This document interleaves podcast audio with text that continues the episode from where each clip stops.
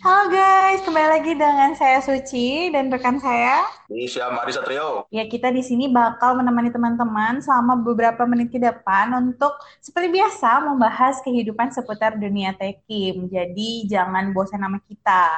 Uh, Sebenarnya kayaknya udah mulai nggak bosan ya. Aku ngeliat penonton kita tuh udah mulai nyampe seribu Suci. Luar biasa, seribu. Tepuk tangan dulu dong. Tepuk tangan, tepuk tangan.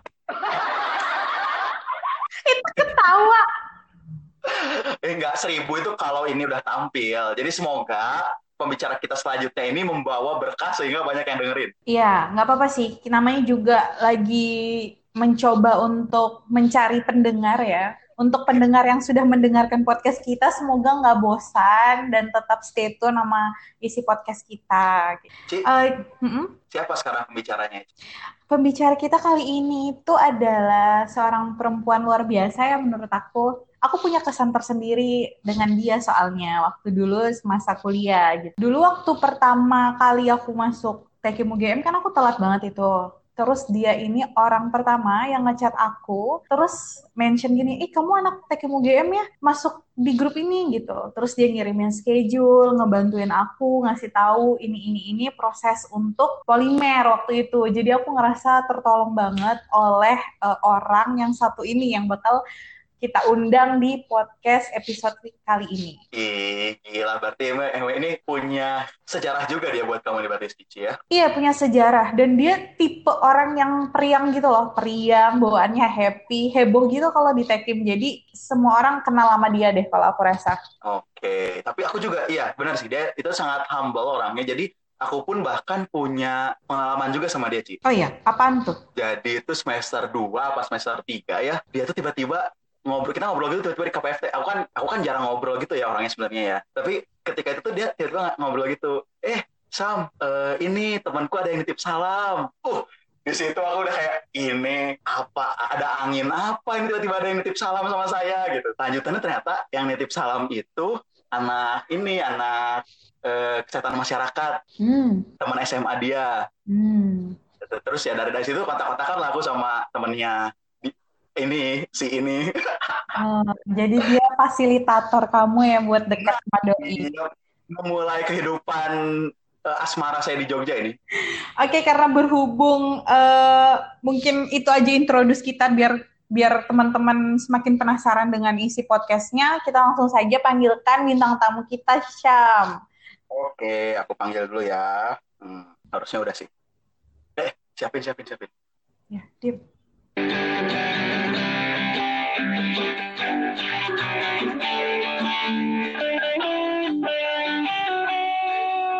Selamat.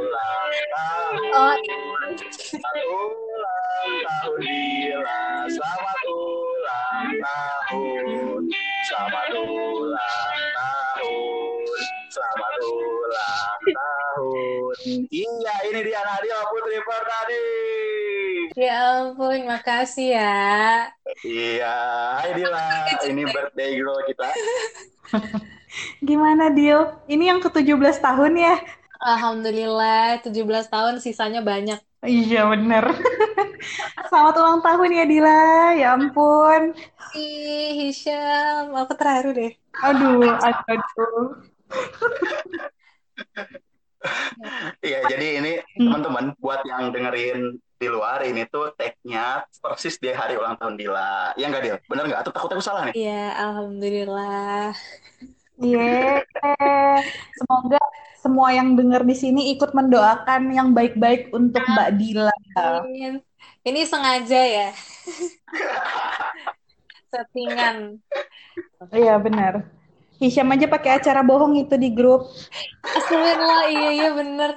Oke kirain ini iya. apaan? Kesalahan teknis orang belum belum kejadian udah kesalahan teknis. eh, ya udahlah. Ya udah. Oke Mbak Dila, apa kabar nih? Alhamdulillah baik. Terkurung di dalam kamar kos tiga kali empat. Oke. Dila sebelum kita lebih jauh nih mengkorek-korek tentang kehidupan Dila, mungkin Dila introduce dulu deh ke teman-teman yang mendengarkan podcast kita ini. Halo semuanya, nama aku Dila, uh, Teknik Kimia Angkatan 2015, alumni Teknik UGM. Terus apa dong? Sekarang aku kerja di Halliburton sebagai drilling fluids engineer. Terus udah deh. Uh, halo, Dil. Iya. Posisi sekarang di mana? Tinggal? Hmm, aku sekarang tinggal di BSD karena uh, kantornya Halliburton itu di BSD tempatnya. Oke. Okay. Tante saya, ini sebentar, kita klarifikasi. Kamu kan bagian drilling nih. Mm -mm. Jangan bilang di di BSD mau ada yang dipompa. Enggak, jadi begini ceritanya. Uh, karena kan sekarang kan lagi COVID dan lain sebagainya. Jadi gimana ya cerita awalnya? Pokoknya awal-awal uh, aku masuk kan biasa ya sebagai anak baru kan masih banyak apa urusan di kantor kan untuk ngerjain uh, administrasi terus ngerjain ya adalah kalau di awal-awal uh, masuk kalibur tentu ada suruh ngerjain kayak island gitu loh e-learning gitulah. Dan hmm. itu lumayan banyak dan itu bisanya cuma ngerjain di kantor. Jadi mau nggak mau emang harus ngekos di kantor eh ngekos ngekos deket kantor maksudnya. Ngekos di kantor ya? ngekos di kantor mohon maaf. Terus habis itu uh, kan kemarin sempat juga tuh training dua bulan terus ya udah aku mikirnya ya udah buat naruh-naruh barang untuk ngekos. Terus balik dari training uh, sempat pulang dulu sih ke rumah terus habis itu ya udah deh masa covid berlalu ini. Jadi uh, karena aku belum ada pengalaman di lapangan jadi susah untuk masukin aku training di lapangan gitu. Jadi sementara ini nasibku kayak ya masih nggak jelas gitu. Jadi sementara aku ngantor dulu di BSD untuk kerja di labnya gitu. Dil, aku tuh lihat story kamu nih ya, untuk uh -huh. yang trainingnya itu kayaknya seru banget gitu ya, berada di negeri orang. Gimana nih perasaannya berada di sana? Apakah oh my god seru banget kayak ala-ala ini ya jadi kayak drama-drama gitu tapi versi barat. Hmm, enggak sih. Sebenarnya di sana tuh kayak sekolah. Karena ya trainingnya itu jadi mulai dari jam 8, mulai dari jam 8 sampai jam 5 sore setiap setiap hari. Dan setiap hari ada PR. Jadi jam 8 sampai jam 5 terus balik ke uh, hotel itu ngerjain PR ngerjain PR kan udah capek kan seharian. Ya udah tidur. Terus nanti uh, Jumat itu biasanya ada kuis. Terus Senin itu ada assessment, ada ulangannya gitu. Jadi ya bener-bener kayak kuliah, cuma ya harus dibikin fun. Jadi karena udah sampai sana kan, masa nggak mau jalan-jalan. Jadi ya paling sama teman-teman weekend itu keluar ke mana gitu. Tuh dengerin teman-teman, kalau sebenarnya training itu tidaklah mudah seperti yang kalian tonton di Instagram ya. Oh jadi ada yang julid. Ketahuan. Hmm. Netizen kan suka kepo gitu sama kehidupan orang-orang kan. Itu iya, iya. gimana iya. dia kehidupan di Texas sana tuh makanannya susah nggak ya? Kamu kan Indonesia kan kita biasa kan makanan pokok nasi ya dia mm -mm. susah banget ya nasi. Kalau nasi sih ada, cuma harganya mehong, ce iya.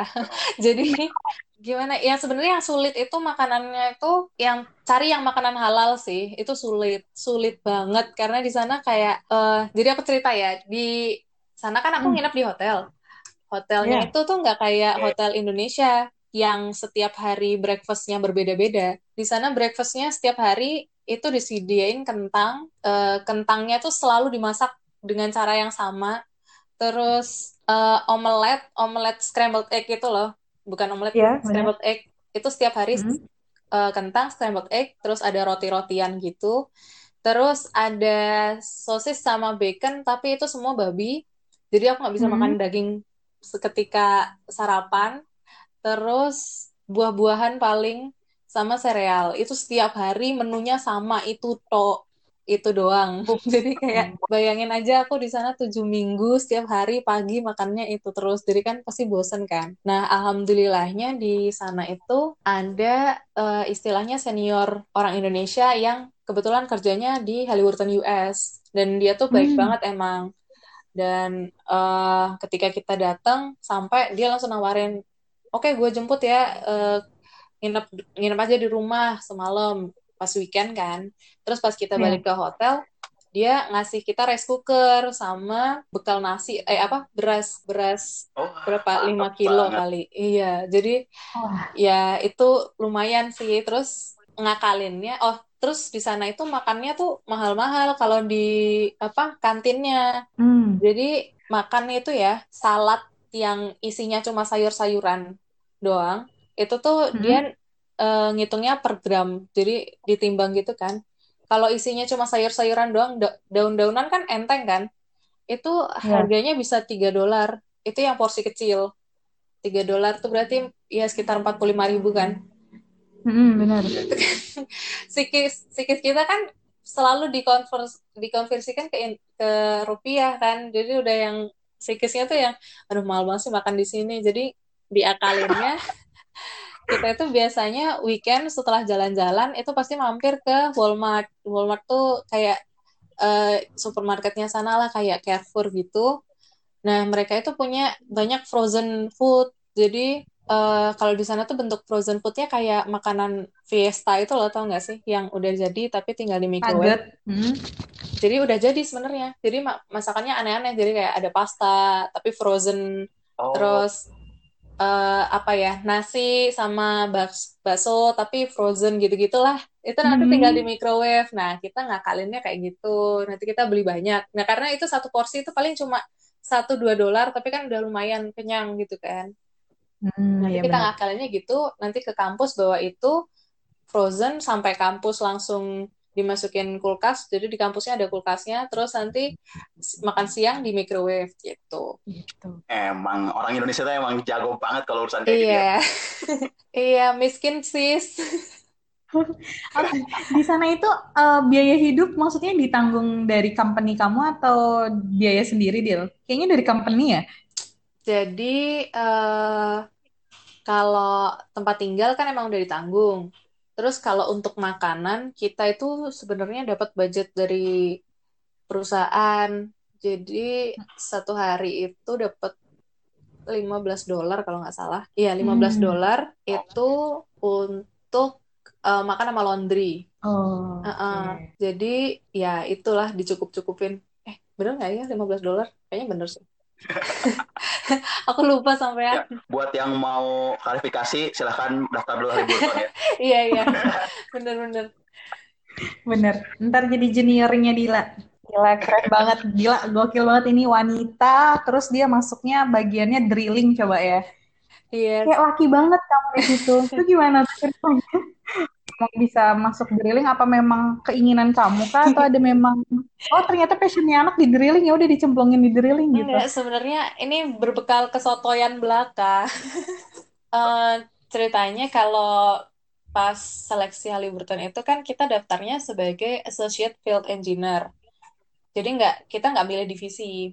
Terus habis itu setelah eh, masuk ke wawancara user, modelnya itu waktu kita mau masuk ruangan, itu ada orang HR di depan pintu itu ngabarin, Dila kamu berdasarkan FGD dan hasil tes tulis, kamu cocoknya di divisi ini dan divisi ini gitu. Dia dia tuh nawarin itu. Itu. Terus awalnya aku aku ditawarin di Baroid sama Completion. Baroid itu yang bagian drilling fluidnya. Terus kalau Completion itu istilahnya dia jualan alat tapi bener-bener hands on gitu loh. Jadi kita masang alat, bongkar alat dan lain sebagainya. Nah, aku awalnya karena aku kepikirannya Completion itu lebih ke kayak apa production solution. Jadi kayak tekim banget kan itu uh, problem solving gitu loh terus aku jawabnya aku mau coba completion dulu aja deh gitu. Terus ya udah wawancara di completion. Setelah wawancara di completion terus aku ditawarin kamu nggak pengen uh, wawancara baru juga? Nggak ada salahnya loh gitu kan. Terus aku bilang ya udah kenapa nggak kenapa nggak dicoba? gitu kan. Ternyata nyantolnya di Baroid gitu. Okay. tapi btw drilling fluid engineer tuh bukan bukan drilling aku nggak tahu yang kamu bayangkan seperti apa drilling itu sih cuma kayaknya berbeda dengan apa yang aku lakukan deh apa yang ada di gambaranmu ya coba di Ya, coba coba diklarifikasi aja Dil, karena kan kita masih Oh, awam. oke. Jadi kalau ketika kita ngebor sumur minyak, itu kan kita butuh em, fluida untuk mengcounter tekanan dari eh, dalam bumi. Kalau kan tekanan hidrostatis itu kan ke atas dan ke bawah ya. Ya. Ke bawah kan ke, ke Oke. dalam bumi kan juga ada tekanan hidrostatisnya tuh. Nah, Mm. ketika kita eh, ngebor ke bawah, kita tuh harus masukin fluida itu tadi untuk pemberat biar eh, tekanan dari bawah tuh nggak nggak keluar ke atas kayak yang terjadi di Lapindo tuh. Oh iya. Nah, Lapindo itu karena tekanan di dalam buminya kan keluar tuh kan. Nah, yang nyiapin fluidanya tuh divisiku gitu ceritanya. Jadi kita kayak bikin-bikin lumpur. Bener, bener salah banget persepsi aku tuh mikirnya ini anak terjun di lapangan terus dia nge-drilling udah kayak ternyata aku lebih ke membuat lidahnya ya kak ya Iya, tapi ya nggak salah juga. Aku tetap ke lapangan dan emang Hmm. kotor-kotoran juga sih. Cuma nggak yang aku nggak tahu sih ya gitulah. Nggak ya gitulah. Jadi nggak megang nggak megang bor, nggak kayak Enggak, gitu ya. enggak. Tidak, tidak seperti itu. Tidak, tidak seperti itu kawan-kawan. Anda jangan berpersepsi salah.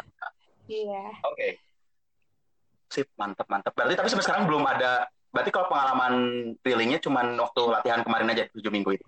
Tujuh minggu itu eh, pengalamannya tuh bener-bener yang di kelas di kelas di kelas doang. Tapi kalau ke lapangannya aku baru yang kemarin kayak semingguan gitu cuma cuma ngeliatin orang kerja gitu doang sebelum ke sebelum berangkat ke Houston.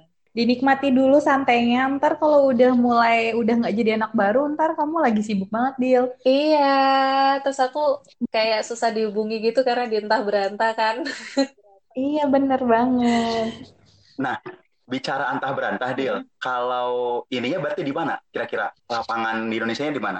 Ah, banyak sih. Dila belum di assign gitu ya? Em, jadi gini, selama COVID ini aku tuh sebenarnya udah tiga kali eh, hampir naik ke lapangan. Cuma ada ada ada aja problemnya, jadi aku kayak belum jadi-jadi. Terus next rencananya tanggal 18 bakal berangkat. Cuma doain aja semoga beneran berangkat ya. Eh, amin. So, jadi Ke- Ke mana, Dil?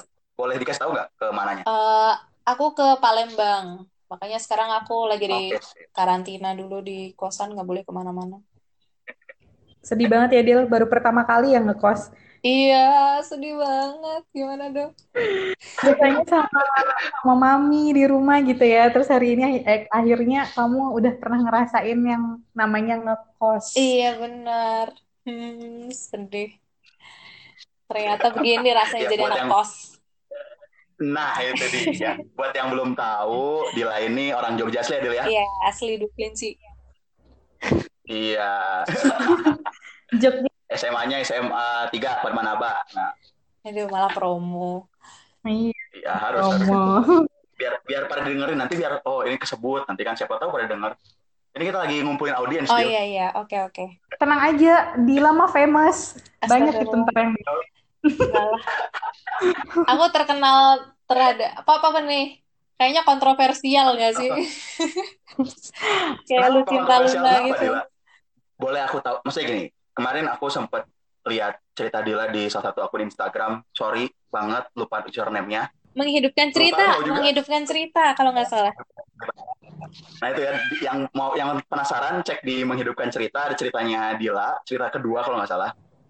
bener Eh, nah benar kan? bener Nah itu ini cerita ter- aku mau tertarik di poin bahwa Dila itu sebenarnya bahkan sebelum lulus udah mulai cari kerjaan Dil. Iya nggak sih? Iya. Ketahuan Nah, kenapa? Apa apa yang eh, ketahuan ketahuan ambisnya? ambisnya. Aduh, parah. Oke dari aku apa yang mendasari kenapa sih aku eh kenapa Dila memulai untuk cari kerjaan waktu belum lulus? Artinya kan itu lagi sibuk-sibuknya tugas akhir toh. Iya. LPK. Em, Kenapa Dil? Kenapa? sebenarnya goalku itu sejujurnya ya, sebelum lulus aku pengen udah dapat kerjaan. Jadi aku kayak nggak pengen ada waktu vakum gitu loh. Karena ada tuh beberapa orang yang pengen ah habis lulus ya udahlah vakum sebulan dua bulan dulu baru cari baru benar-benar serius cari kerjaan. Ya nggak salah Hmm. juga sih itu pilihan orang masing-masing. Cuma aku tuh pengen yang langsung kerja karena aku membayangkan kalau aku nganggur di rumah tuh bakal bingung gitu loh. Karena emang orangnya sukanya gerak kan padahal nggak juga Iya, sih aktif banget orangnya soalnya. Nggak, padahal juga kalau di kosan juga gelundang-gelundung Tapi instruktur senam. Iya, aduh janganlah, jangan buka buku lah. Nanti masa aku menyaingi.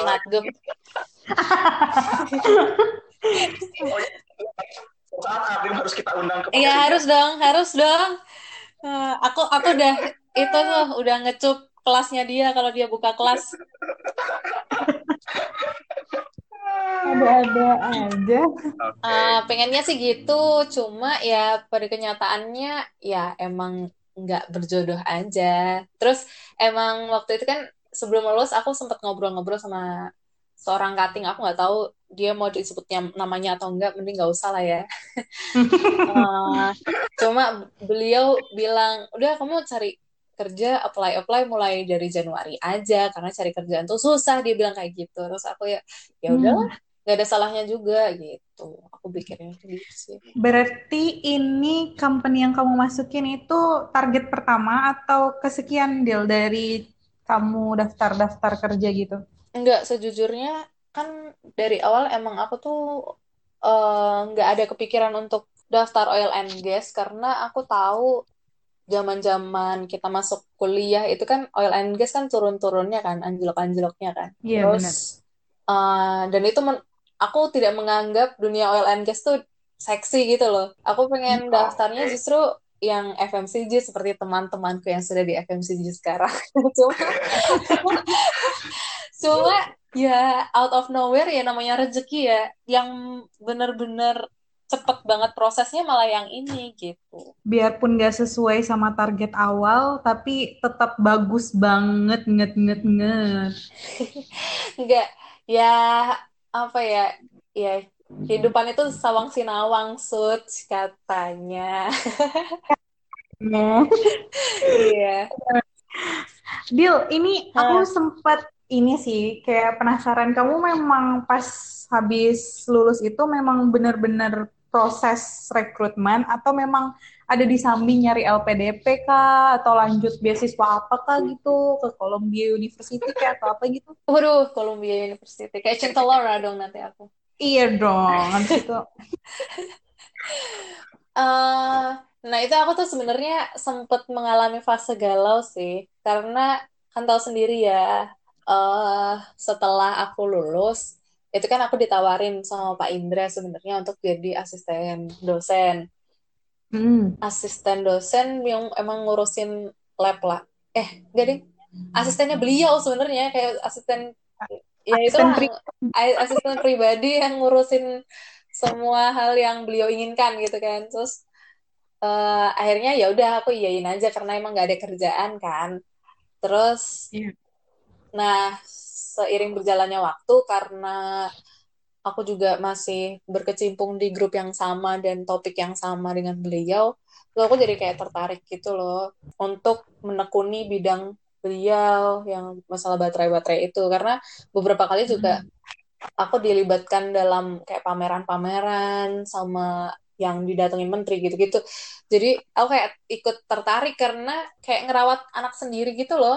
Kayak ikut Hmm. ikut merasa ikut andil gitu lah. Jadi aku pengen pengen meneruskan sebenarnya dan aku ngelihat prospeknya ke depan ke Indonesia tuh wah keren juga ya kalau ini bisa benar-benar terwujud gitu kan. Jadi aku galau antara eh, ambil beasiswa sama cari kerja waktu itu. Tapi aku mikirnya kan emang setelah kita lulus tuh kita tuh kayak ngambang gitu Ya, nggak sih? banget banget Kamu Bener ngerasa banget. gitu nggak sih, Suc? banget Kalian asli. ngerasa gitu kan pasti kayak eh sebenarnya takdir Tuhan itu menjuruskan kita tuh ke mana sih yang paling terbaik gitu kan. Kita kan pasti bertanya-tanya ya karena kan nggak ada yang tahu gitu kan jalannya Tuhan tuh kayak gimana. Jadi aku kayak ya udahlah eh, sambil nyari nggak ada salahnya juga aku nyoba dua-duanya gitu untuk ngelanjutin kuliah dan nyari kerjaan juga mana yang tembus nanti ya udah itu aku anggap sebagai rezeki rezekiku dan itu emang jalanku gitu loh. Aku mikirnya gitu. Jadi ketika Pak Indra ngejar-ngejar untuk udahlah kamu daftar S2 aja ya udah aku daftar aku daftar LPDP waktu itu tapi emang awalnya tuh aku agak gampang sebenarnya LPDP karena LPDP itu kan ada kontraknya ya uh, harus kerja di Indonesia minimal uh, 2 N plus 1 dua kali uh, masa studi plus satu tahun. Nah yeah. itu aku agak mikir gitu loh. Masa iya aku akan selamanya di Indonesia? Padahal cita-citaku tuh sebenarnya aku pengen traveling ke mana-mana gitu loh. Terus hmm. iya kan? Terus habis itu aku agak galaunya itu sebenarnya. Terus akhirnya ya udahlah daftar aja nggak ada salahnya. Karena Pak Indra juga um, punya nama kan di LPDP dan dia maksudnya karena proyeknya beliau adalah proyek LPDP jadi kesempatan untuk lolos itu lebih besar gitu loh. Dan beliau juga waktu itu punya koneksi untuk ke universitasnya. Jadi beliau benar-benar sangat membantu aku sih di proses LPDP aku sangat berterima kasih. Terus ya udah gak ada salahnya. Waktu itu aku daftar LPDP itu bahkan tes IELTS-ku itu keluar 10 hari sebelum pendaftaran LPDP itu ditutup jadi kayak oh. emang mepet banget. Gila. Terus akhirnya terima yeah. ya ya LPDP? Uh, LPDP aku sampai di tahap wawancara. Uh, jadi sampai di tahap wawancara. Nah, terus kebetulan wawancara LPDP ku itu jadwalnya bertabrakan sama wawancara finalnya Halliburton ini. Makanya hmm. di situlah ya? di mana uh, saat aku harus Iya, karena selama ini aku menjalani kan bener-bener yang 50-50, bener-bener 50-50 dari awal sampai terakhir gitu loh. Jadi nggak yeah. ada yang lebih berat sebelah gitu. Wow, iya. Apa apa apa akhirnya yang menentukan oke, okay, Halliburton aku take, finalnya aku cobain wawancaranya. Sebenarnya atau atau ini mungkin dimudahkan kayak ini loh hal-hal yang aku pertimbangkan gitu kan lebih enak kali ya apa yang kamu pertimbangkan sih Hmm, Mungkin iya ya. Sebenarnya aku lebih ke orang tua sih, karena hmm. uh, mamaku sebenarnya oke okay lah, terserah kamu mau milih apa aja terserah, karena dua-duanya tuh uh, emang kamu pengen, jadi terserah apa pun gitu. Cuma papaku nih, papaku tuh emang karena beliau itu uh, di bidang pertambangan dan emang beliau tuh dari awal pengen banget sebenarnya masuk oil and gas kan. Jadi sangat mengencourage aku untuk masuk oil and gas gitu. Jadi ketika beliau tahu aku dapat tawaran di Halliburton, beliau udah yang kayak udahlah gitu. Cuma ya tahu sendirilah orang tua. Terus ya udah dan aku selalu percaya dari awal aku sekolah itu um, bahwa restu orang tua itu restu Tuhan gitu. Jadi ya udahlah. Dalam banget dalam aja. banget.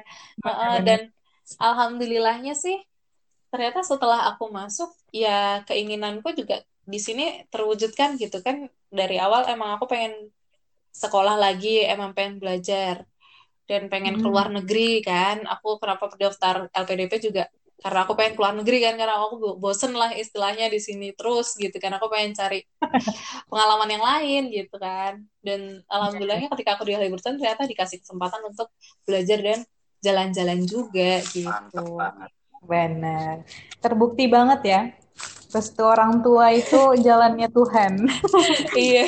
Tapi ya nggak tahu sih. Mungkin ada beberapa orang yang berpikir uh, kita tuh harus punya pilihan sendiri. Ya itu nggak salah juga menurutku. Ya karena menurutku juga nggak selalu orang tua itu benar kan? Yeah. tapi tapi poin penting ini. Poin penting adalah restu ya. Kalau pilihan beda nggak apa-apa tapi restu mah harus diminta toh. Iya benar benar. Oh. Iya, aku tuh speechless ini, dengar ini, ceritanya kita udah tiga kali ya teman-teman. Uh, satu lagi emang belum rilis tapi nanti rilis. Uh, kita udah tiga kali dan yang ini tuh aku bahkan udah denger dia ngomong dulu aja dah gitu. Iya bener. Aku tuh bisa berkata gitu? Tau gak sih pas yang episode-episode sebelumnya tuh gue bisa bacot banyak terus pokoknya nimpali lah. Ini tuh kayak bener-bener hening memperhatikan oh iya kayak gini ya gitu loh dia ya ampun nih janganlah. Aku jadi merasa bersalah. Karena aku jadi nggak bisa cerita banyak dong. kali deh Ya, gali aku, gali aku. Gali. uh, ini deh, ini gini gini kan berarti uh, kita mundur lagi ke pertanyaanku tadi bahwa Dila kan udah nyari kerjaan dari waktu masih ngerjain tugas akhir. Sama dong dengan teman-teman, hmm. ya walaupun agak telat podcastnya, tapi sama seperti anak 2016 sekarang kondisinya ya nggak sih? Yang yang rencana lulus iya. Agustus, yeah. berarti kan dari sekarang tuh sebenarnya udah bisa ya deal. Kira-kira apa tips? Yeah, yeah. Apa tipsnya biar bisa bener, nyambi nge-TA? Kayaknya aku nanya-nanya anak 16 lagi pada sibuk-sibuknya TA sih. Um, tipsnya ya sambil anu ya cari-cari kerjaan. Kalau menurutku sih um, percantik CV sih itu yang bener-bener uh, takes time kalau aku karena CV ku sendiri itu bener-bener bisa aku rombak sampai puluhan kali CV ku hmm, okay. uh, eh, untuk cari bener-bener bentuk dan apa ya istilahnya yang menarik lah untuk itu dan aku uh, dan tipsnya untuk CV itu uh, butuh feedback orang. Jadi kalau bisa kamu buat CV terus misal nih kalau aku dulu ya uh, aku minta pendapat sama teman-teman ya teman-teman seangkatan yang dulunya ikut XLFL karena kebetulan kan mereka pasti dapat uh, training untuk gimana sih cara bikin CV yang bagus gitu-gitu kan waktu itu aku yeah. minta pendapatnya si Vian aku minta pendapatnya si Yosan gitu-gitu. Ini gimana sih CV ku? Oh, udah nice. bagus belum sih? Gitu. Apalagi ya kalau aku sih jangan tipsnya jangan pernah takut untuk daftar pekerjaan. Kecuali yang abal-abal maksudnya. Kecuali kayak kayak yang di TV itu jangan ya jangan jadi ABK yang tiba-tiba nanti Iya. Nama sembilannya dibuang di laut gitu, jangan deh. Cuma uh, dalam artian jangan takut nanti, aduh gajinya kecil nih, aduh nanti gimana ya lingkungannya gitu-gitu loh. Karena menurutku sih yang paling paling bisa kita ambil dari kita daftar-daftar pekerjaan itu adalah tes gratisnya. Ah, tes, tes gimana? Uh, tes benar tes gitu-gitu terus misal matematika dasar tuh Pauli tuh yang ikut uh, Paragon berjuta-juta kali itu ikutin aja. bener, Sebagai saranku sih itu jangan uh, pertama kali kalau aku sih jangan lihat nominal gajinya dulu. Yang pertama waktu kita daftar uh, pekerjaan, terus uh, dan lain-lain lah. Aku tuh baru bener-bener cari tentang uh, gaji dan lain sebagainya itu setelah aku udah mau masuk tahap wawancara karena di situ yang benar-benar bisa menentukan apa motivasiku untuk wawancara tuh seberapa besar sih gitu loh. Oke, okay, nice iya, banget. Iya, benar, benar. Gitu. Paham banget. Nanti kalau misalnya udah goals nih udah dapat beberapa offering, nah itu silahkan kalian mau milih-milih sesuai dengan yang kalian suka, itu monggo aja gitu. Kalau aku keren, sih. Keren gitu. deal. Bener ini teman-teman ya. Ini poin juga buat teman-teman daripada bingung belum keterima apa-apa udah nanya gaji kan gak enak. Tapi kan lebih enak kalau aku ini udah sebenarnya sampai wawancara nih. Nanya gaji ke, ke orang yang kita kenal kan lebih enak ya. Mm-mm, itu karena itu juga jadi pondasi sih kadang-kadang tuh ada beberapa interviewer yang nanya nah, kamu betul. pengen gaji berapa sih? Gitu. Tapi poinnya tadi ya setelah ya, bener interview banget. jangan baru juga masukin berkas sudah nanya gaji. Gajinya yeah. berapa? Gitu kan lucu. Karena bener sih menurutku yang aku rasain ya psikotes itu lama-lama akan lebih mudah ketika kita udah berjuta-juta kali hmm. mengalami itu gitu. Iya benar, ini hmm. berjuta-juta kali ketolak dan akhirnya mendapat pengalaman deh. Iya. Um, Oke Dil, siap. Gitu.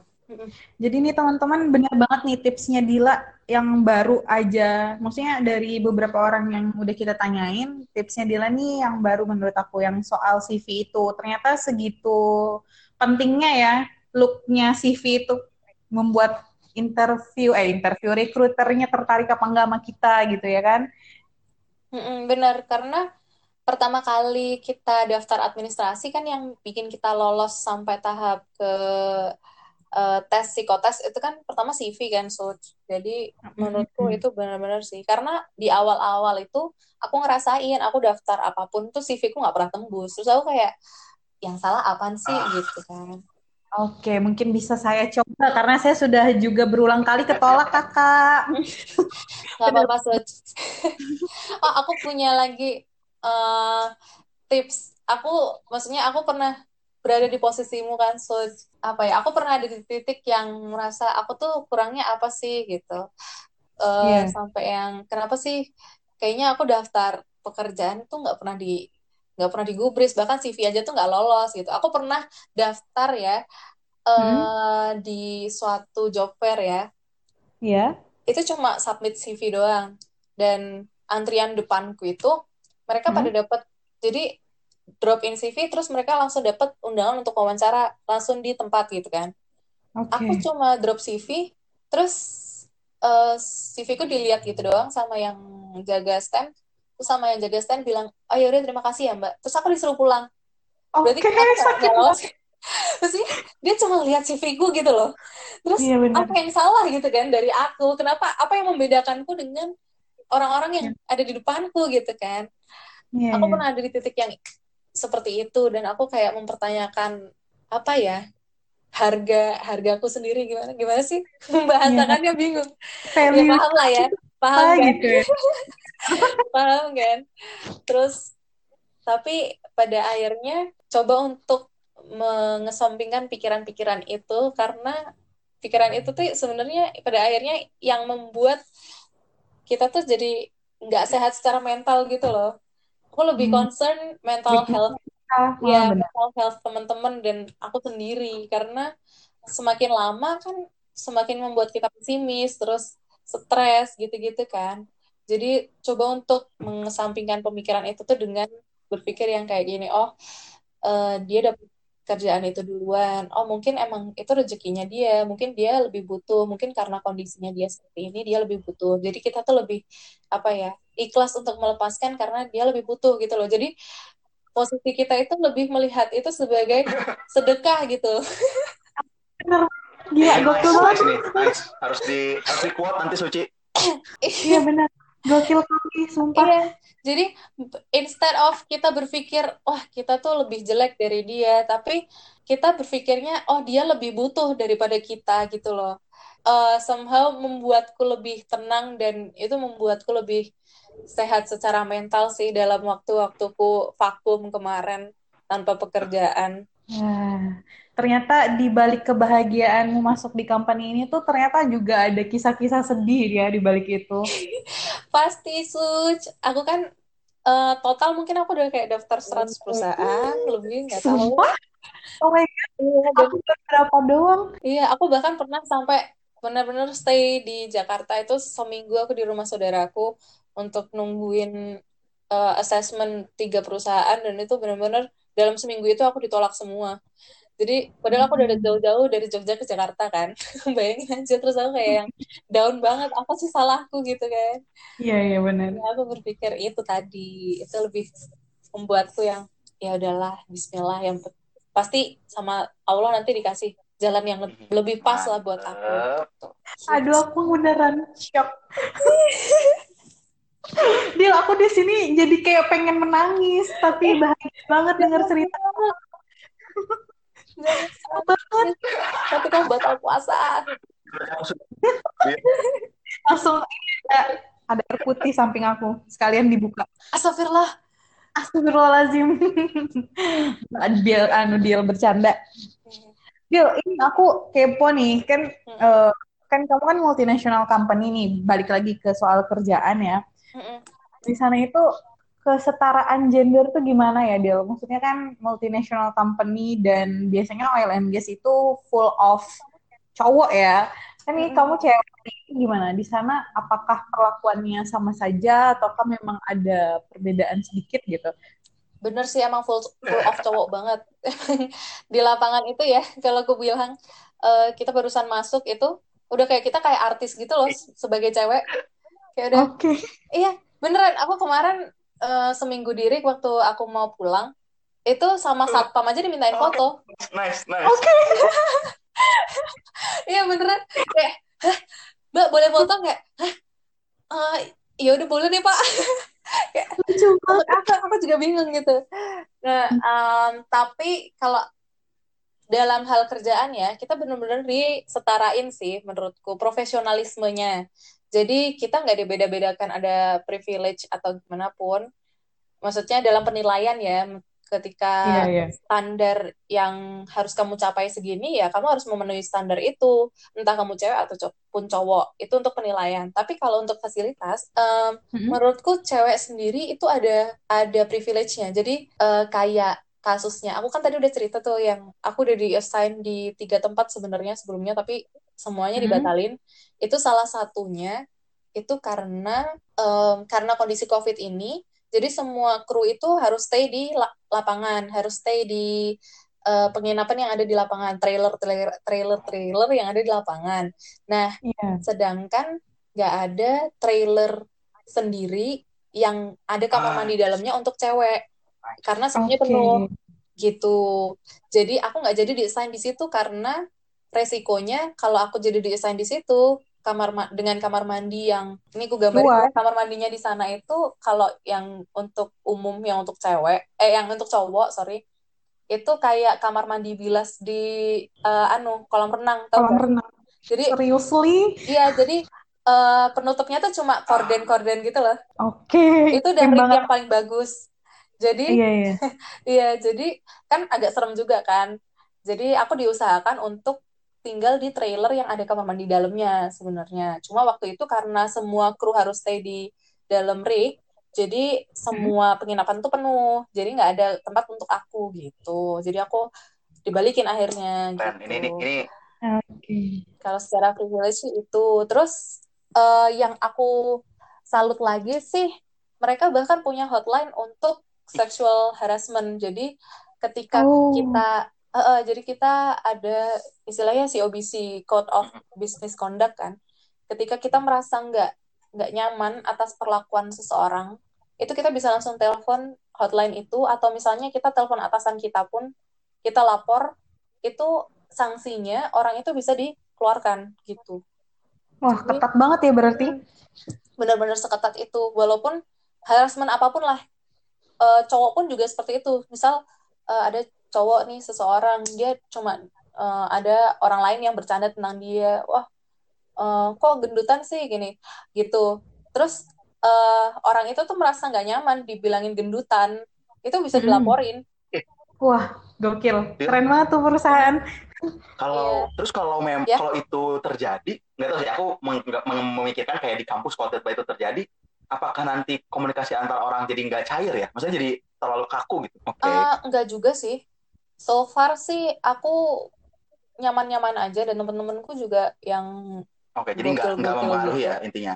Iya, tapi kita tetap Nah, ada batasan. itu poin pentingnya teman-teman. Jadi kayak eh, buat teman-teman yang lagi kerja dan merasa eh, tidak tidak terpenuhi hak perlindungan terhadap sexual harassment, penting untuk dicari tahu ya dilihat untuk perusahaannya ya punya kebijakan seperti apa. Iya, tapi aku juga baru tahu tentang kebijakan ini setelah aku Oh, Oke masuk oke oke. Halliburton sih. Ya. Eh, tapi soalnya soalnya itu isu yang menarik sih. Sekarang jadi panas banget di mana untuk bicara bahwa oh di Mm-mm, perusahaan ini ada, di perusahaan ini nggak ada. Bahkan itu jadi penilaian untuk beberapa orang tertentu gitu. mm-mm, mm-mm. Iya, bener sih. Bisa Soalnya memang field-nya si Dila ini di company-nya kan memang full of cowok ya. Jadi wajar aja kalau menurut aku perusahaannya sangat aware banget soal sosial harassment itu gitu. Dan sebenarnya semua kayaknya sih semua oil and gas company itu sekarang lagi gencar-gencarnya untuk menyerukan kesetaraan gender kayak Sumbersea, terus Halliburton, terus aku nggak tahu kalau Baker, cuma kayaknya iya juga deh harusnya. Makanya eh fun fact aja di eh, divisiku sekarang itu yang anak Oke. baru ada delapan, itu empat Iya. cewek, Ah. empat cowok. Jadi Mulai kita sama. ya. Bahkan dari masuknya. Berarti kesetaraan gendernya nggak cuman ini ya, nggak cuman logo doang ya, benar-benar direalisasikan. Iya benar. Soalnya memang ada company yang dia juga proses rekrutmennya itu eh, dia pakai logo itu kesetaraan gender, tapi ntar pas jatuhnya di seleksi udah kayak hilang aja gitu ceweknya nggak ada sama sekali gitu. Tapi Hmm. syukur sih dengar kabar ini dari Dila, berarti kan memang potensi untuk cewek engineer tuh juga ada gitu loh. Iya, Oke, lucu banget. gitu doang sebenarnya. Oh, iya iya Cuma iya aku paham. aku jadi Iya, nggak enak siap, siap, maksudnya siap, nggak usah masukin. Gak usah jauh-jauh sih waktu aku kam- apa KP aja itu kan di perusahaan ini ya aku nggak sebutin itu juga ini yang para pekerja cowoknya tuh suka heboh gitu emang kalau ada cewek kayak nggak pernah lihat cewek gitu. Apalagi kalau di oil and gas kan, jadi sistemnya kan roster ya. Jadi dua minggu kerja, dua minggu libur kalau tempatku ya. Ya dua Hmm. minggu kerja di sana itu kan kayak nggak ada pemandangan lain selain cowok gitu loh. Iya benar. Jadi ya Mereka bu- mungkin mereka udah jenuh gitu kali ya. Dan, Iya. dan kalau menurutku ya selama itu dalam batas tadi seperti Dila bilang dalam batas yang ditentukan, nggak melewat, nggak melanggar hukum-hukum di sana, that's okay. Hmm, Oke, Dil, nambah Dil. Iya benar. Eh, ini Apanya? kan kamu udah masuk nih, udah masuk, udah benar-benar jadi pe- eh, pegawai, iya nggak sih? Bukan probation kan ini? Eh, Udah bukan udah. probation ya. udah Artinya bukan kamu udah sih. dong ngelihat orang-orang seperti apa sih yang kerja di sana spesifiknya Leborton, umumnya di oil and gas. Dan pribadi seperti apa yang cocok untuk kerja di sana menurutmu? Secara Ya, kepribadiannya bebas, maksudnya ya? Kalau kalau ngelihat eh, teman-teman yang kamu lihat perform atau eh, bos-bos yang kamu lihat perform itu orang-orangnya seperti apa sih? Em, Tipikalnya gimana Ya. ya? Aku boleh nyebut merek nggak sih? Kit, deal, boleh Iya. langsung gas. Tar, kalau deal. perusahaan sebelah, kalau aku lihat itu ini kayak kayak itu loh karakter orang berdasarkan sekolah. Ah, Kamu pernah nggak sih melihat itu? Nah, Eh, Halliburton ngerti. itu kayak SMA 3. Sama tiga Jogja. Oke. To be honest ya. To be honest. Nah, Oke. perusahaan sebelah eh, yang benderanya biru Heeh. Itu kayak SMA 1. Oh, oh memang memang ini ya lingkungannya beda-beda gitu ya. Iya, kalau aku ya, kalau aku melihatnya. Terus Iya sih. Kalau perusahaan yang hijau itu mirip-mirip kayak kayak aku sih. Kayak kayak kayak Halliburton sih men- menurutku. Cuma Wajar ya sih. ya perusahaan sebelah itu lebih strict aja gitu. Kalau Halliburton Iya. itu beneran santai, bahkan bosku em, Hmm. Bu- jadi gini, waktu aku pertama kali wawancara, eh wawancara bukan pertama kali ya, wawancara final yang wawancara final itu kan aku sama country manager. Jadi kalau setiap divisi di setiap eh, negara itu punya manajernya sendiri dan itu biasanya dari pusat dipilihnya. Nah, Iya. beliau itu bule. Terus eh, posisinya waktu dia wawancarain aku itu bener-bener kayak santai banget dia senderan di kursi terus dia pakai kemeja itu kemejanya kancingnya dibuka sampai dada Oke. iya terus dia pakai yang kemeja kayak kemeja Hawaii gitu loh Oh, Terus- santai itu ya. Ah, terus habis itu walaupun dia country manager yang posisinya jauh banget di atasku dia tuh kayak kalaupun aku di kantin gitu dia kayak yang nyamperin gimana kabar? gitu kan. Terus kayak ganti HP enggak gitu kan? Karena kan kemarin waktu di US teman-temanku pada ganti HP semua kan pada ganti iPhone semua. Hmm. terus dia kayak ngabsenin satu-satu oh kamu ganti HP kamu ganti HP kamu tuh ganti HP kamu kenapa nggak ganti HP gitu gitu. Yang Hmm. dia emang santai banget orangnya gitu. Tapi kalau giliran serius ya serius banget Oke, gitu. itu benar. Berarti ini kenapa aku nanya sih. Itu Mhm. so far sih Ini enjoy kenapa aku nanya, karena aja Eh, penting juga buat teman-teman untuk memastikan ya ini memang eh, lingkungan juga berpengaruh. Iya nggak sih, Dil? Eh, iya benar benar karena ini benar baru dengar-dengar beberapa apa namanya ya baru dengar beberapa keluhan gitu dari teman-teman yang baru kerja itu kayak waduh di sini ternyata nggak cocok ternyata kayak gini gayanya di sini dan di sana iya Eh, gimana ya mungkin karena kebanyakan orang Hmm. lapangan juga jadi orangnya santai-santai gitu loh walaupun Hmm. ketika eh, menyangkut profesionalisme, kita tetap profesional. Ketika kita ngomongin kerjaan, ya kita tetap serius, profesional. Cuma ketika kita lagi ngobrol, duduk-duduk, kongko-kongko gitu ya santai aja, kayak nggak ada batasan, oh kamu atasan, kamu bawahan. Aku sama atasanku aja, kita semua manggilnya mas, bang, mas, bang. Nggak Hmm. ada yang manggil, ya ada beberapa aku manggil pak, karena udah udah sepuh, udah tua emang. Terus mungkin yang berpengaruh juga karena kebanyakan yang posisi-posisi di atas di Halliburton itu masih muda-muda. oh Country manajerku Oh. aja masih 41 tahun, 42 tahun sekarang. Deal, ini deal. Kita masuk ke pertanyaan seputar katalis ya, karena memang podcast kita kan namanya katalis. aduh, Deal punya nggak seseorang yang bisa disebut sebagai katalis di kehidupan Dila? ih, ah, apa pun ya? apa pun deal apa pun Dalam hal apa nih?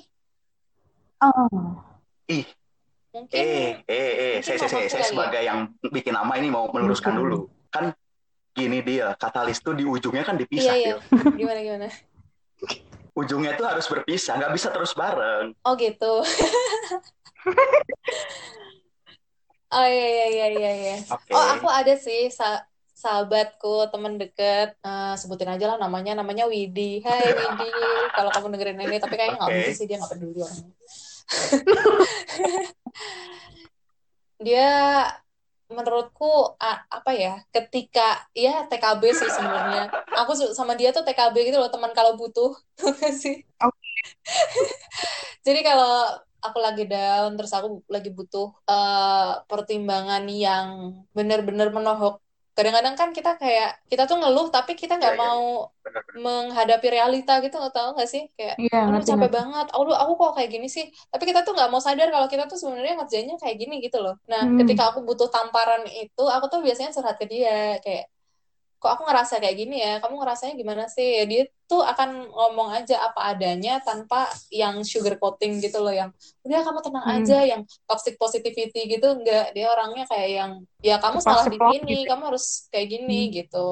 Dia yang benar-benar straight to the point gitu. Jadi aku sangat berterima kasih sih sama dia karena itu. Jadi kalau misalnya aku lagi down aku akan segera bangkit dan melihat realita gitu loh gitu Luar Ya. biasa. Ini Aku bingung berkata-kata apa. eh kamu tadi kayaknya udah ngelis ya perasaan tadi sudah di list ya bapak-bapak ibu-ibu Eh, gimana pesan untuk anak-anak Salix? Kira-kira ada nggak misalnya tetap semangat yang belum kerja atau gimana gitu? Coba deh. aduh apa ya kayaknya tadi udah tak sampein sih itu dok eh ya udah aku ulangin lagi aja deh apa ya pokoknya tetap semangat ya itu lagi semua orang pasti ngomongnya gitu tetap semangat Iya. gitu. Ah, enggak sih aku aku cuma mau bilang aja aku juga pernah di posisi kalian pasti ngerasa sedih ngerasa minder ketika ada orang yang udah ketika ada temen yang udah kerja udah itu suka update update kita nggak mau lihat sampai kita nggak mau lihat Instagram nggak mau lihat nggak mau buka WhatsApp nggak mau buka Line nggak mau buka apa pun. Kita benar-benar shut ourselves uh, out of everything gitu kan. Nggak pengen ketemu siapa-siapa karena kita ngerasa minder dan lain sebagainya. Ya nggak usah kayak gitu karena itu in the end itu akan membuat kita stres sendiri dan itu nggak bagus untuk mental health kita. Um, jadi saranku tetap aja membuka diri dan itu tadi saranku sih untuk memutar perspektif kita terhadap ya bukan itu sih gimana ya? Gitu deh pokoknya. Iya heeh. jadi ya kita lihat aja positifnya. Kayak misal nih temanku ada yang dapat door prize HP terus aku padahal daftar HP yang sama tapi kenapa aku nggak dapet?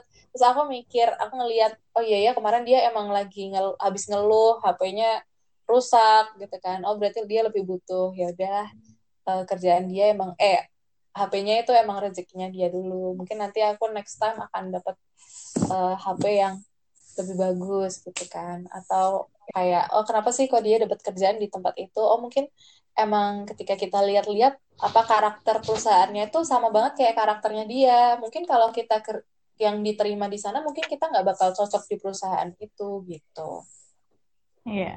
Kalau aku bisa ambil poin ya, berarti Allah itu ngasih sesuatu sesuai dengan kebutuhan kita, bukan sesuai bener. kemauan kita, ya kan? bener bener kalau kata Brili kan aku pernah kayak Woi. ngobrol sama Brili gitu. Bril gimana sih ke eh, kan katanya Allah itu udah ngasih porsi rezeki orang itu masing-masing. Lah gimana kita tahu kalau itu rezeki kita? Kita eh, gimana kita tahu itu bukan rezeki kita? Kalau emang eh, Allah udah ngasih kita porsi rezeki masing-masing bisa aja dong kita nggak berusaha untuk nunggu rezeki kita datang sendiri. Terus kata Brili ya kalau kata guru ngajiku itu tuh kayak udah ada lubangnya sendiri-sendiri. Tinggal gimana kita mencari lubangnya. Kalau kita diem aja kita nggak bergerak kita menyerah ya gimana kita bisa menemukan lubang kita gitu aku nggak tahu juga kenapa dia me- menganalogikan itu dengan lubang ya nggak enak juga sih Oh iya, Brili, kamu harus ke sini ya. parah Brili Oke. Share lagi, Ci. Lucu. Aku pengen ngakak. Hmm. Aduh Dila. Lucu banget ceritamu sumpah. Apalagi mau nanya apa? Dila mau dikepoin soal apa nih Dil? Spesial lah, Apa ya? spesial. Hmm, Ya, bingung kan?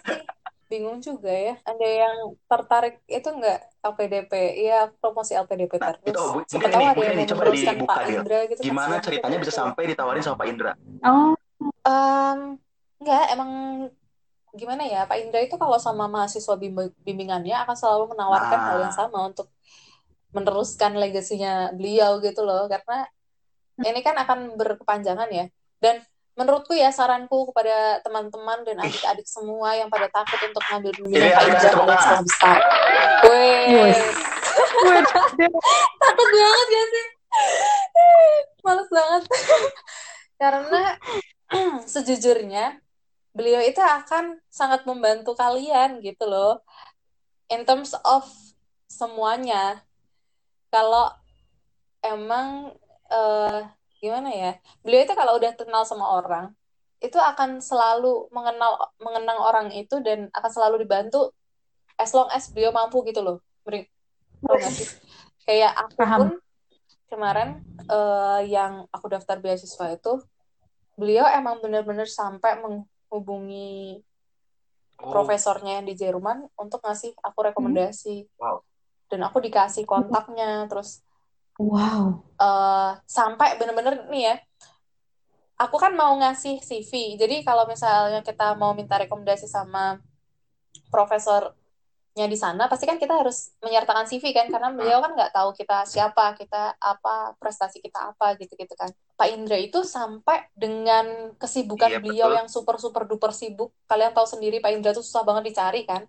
Beliau itu sampai Hmm. meluangkan waktu untuk ngoreksi CV-ku dan meluangkan waktu untuk ngoreksi cover letterku bahkan. Jadi email yang aku kirim ke profesor di sana itu sampai benar-benar beliau koreksi dan itu beliau ganti-ganti sendiri paragrafnya gitu-gitu. Aku benar-benar Oh sampai yang ya ampun, ya ampun Pak, di sela-sela kesibukan beliau yang benar-benar sibuk itu, beliau tuh benar-benar mau meluangkan waktu untuk hal yang sepele untuk aku gitu loh keren. Iya. itu yang benar-benar berken- berkesan banget sih. Jadi kalau teman-teman ya syaratnya satu ya, ketika kalian jadi anak bimbingannya Pak Indra jangan hilang. no offense untuk siapa pun. Tapi kalau udah tersinggung ya udahlah nggak apa-apa. Udah Tapi bukan bimbingannya juga kan.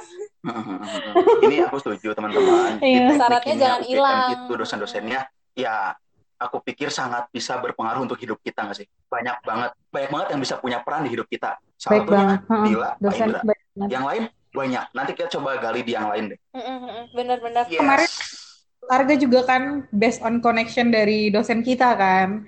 Dosen kita tuh unik soalnya. Tegesnya tuh tegesnya beda aja gitu Iya, lah. terima, terima. Iya, iya, iya. Oke deh, Suci. Oke.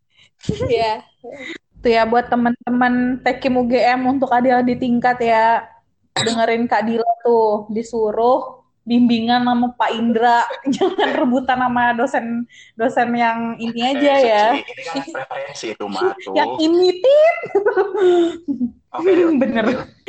Ini coba, coba deh aku coba, aku coba men- melemparkan diriku ke, ke Iya. depan. Eh, ya ke depan maksudnya masa depan. Eh, nah, ini susah kayak gini mah. Ke depan man. eh, gini gini gini. Eh, let's say 30 tahun lagi, Dil. Oh, lama, lama, pokoknya lama di di masa yang lama nanti Eh, Aduh, lama Eh, banget ya. mungkin nggak sih Dila untuk kembali coba melakukan apa yang dilakukan Pak Indra, bantuin adik-adik yang bahkan mungkin Dila itu kenalnya karena dia ngirim CV ke Dila gitu. Mungkin nggak sih itu? Mungkin banget sih. Maksudnya, karena kan aku juga, gimana ya, ketika kita pernah di, ada, ada di posisi mereka, itu kita akan ngerasa struggle-nya itu gimana gitu loh. Kita udah udah tahu struggle-nya gimana gitu loh. Jadi, keinginan untuk membantu tuh akan lebih besar pastinya. Jadi, buat temen-temen kalau misalnya bingung kalau misalnya mau wawancara atau apa mau tanya apa gitu tanya aja ke aku as long as aku bisa dihubungi sih insya Allah akan aku balas walaupun kadang-kadang aku pelupa ya kayak kemarin itu tanya Dil gimana sih ini terus aku kayak Astagfirullah terus lupa Ya, sorry aku baru gila itu balas bukan gitu tipe, tipe Dua hari cewek kemudian. ini ya, bukan tipe cewek jual mahal ya. Emang lupa aja. Iya emang lupa aja emang Dori pikiranku tuh kayak abis iya sih nanti aku balas ya bentar lagi gitu kan eh ternyata aku lupa beneran parah sih emang jadi sering-sering aja ngingetin aku Iya. tapi kalau misalnya butuh apa-apa sih hubungin aja insya Allah akan aku bantu sebisaku Kalau butuh makan gitu dianterin Enggak nggak, Dil? kalau itu enggak Ini satu jam 15 menit. Eh, aku mau Dila Ya. eh, coba nan- nantangin anak Salix untuk siapa yang pengen Dila ajak untuk yang Dila penasaran sekarang Apa kayak ya? gimana, yang Dila penasaran sudut pandangnya mungkin gitu kayak ya nggak apa-apa lah Hmm. bisa dikat kok nanti Di- Dila mikir ini hilang kok nanti. aku agak lama mikirnya oh iya iya iya iya iya siapa ya aku penasaran kayaknya sama Ah, sama benar. siapa ya Ini aku sama setuju, Vian setuju. sih kayaknya kenapa Dil? Kenapa? karena sekarang kan Oke, dia I see. udah ada di pekerjaan dia yang kedua kan Ya itu bahkan kalau di listku itu Vian itu Iya. nanti aku ajak bicara itu kayak tadi iya benar-benar. pindah dari kerjaan pertama ke kerjaan kedua. Iya ya untuk jadi sudut pandang ya Dil ya.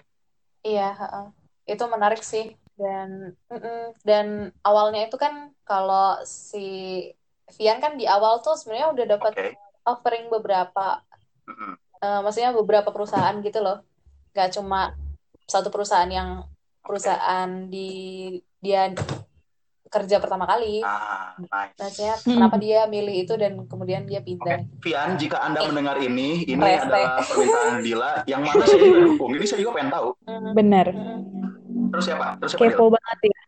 Terus- emang kita nih manusia manusia kepo. iya Ah, so sama lagi bener. satu lagi satu lagi aku kepo sama Aku Yasin setuju, aku setuju. iya Sip. Thank you ya Dil. Thank you banget ceritanya. Iya, Sangat-sangat menginspirasi. mendengarkan dan Hisham sudah mau mendengarkan eh tahu nggak sih kemarin yang itu Hah? yang sama Apaan tuh? wawancara sama temanku tahu nggak aku ngobrol sampai tiga jam capek banget Aku- padahal yang dimasukkan cuma Nah segitu itu, itu doang sih. Ini mau aku Cuma sedikit Iya, sampaikan iya. Tiga bahwa kenapa sih Ya Allah. Suci berpikiran untuk bikin kayak gini? Karena kita pikir kita perlu untuk ngobrol-ngobrol kayak gini. Iya bener, karena iya sih, karena waktu em, sebelum aku dapat kerjaan juga aku kayak ngerasa sendirian dan nggak ada teman untuk cerita karena teman-temanku yang mau aku ceritain udah pada kerja semua gitu kan, takut ganggu lah, takut eh, nanti aku malah tambah ngerasa minder lah dan lain sebagainya. Jadi, Iya, salut, terima kasih ya Hisham sama Suci yang sudah menginisiasi podcast ini. Udah gitu doang.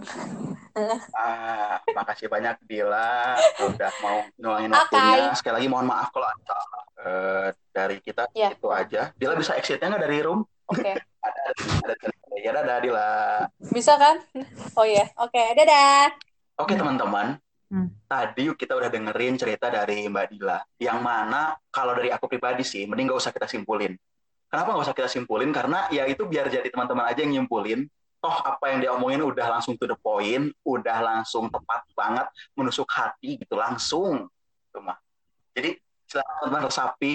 Kalau teman-teman mau, boleh diulangin lagi ceritanya, boleh diulangin lagi story-nya, karena ini sangat-sangat menarik, sangat-sangat asik untuk didengerin ulang, untuk jadi pengingat, untuk jadi bahan motivasi kita semua. Iya nggak sih, Ci? Ya, sesuai yang di Hisham bilang, memang benar-benar menginspirasi. Dan aku pribadi sebagai announcer di sini juga bisa merefleksikan diriku dengan cerita bintang tamu kita pada hari ini. Tapi bukan berarti bintang tamu kita yang sebelum-sebelumnya tuh tidak menginspirasi, itu tidak. Iya, benar. Karena kita di sini istilahnya sebagai fasilitator aja buat teman-teman yang kepo gimana sih struggle-nya di dunia pertekiman, sampai dia bisa mendapatkan karir yang diimpikan gitu kan.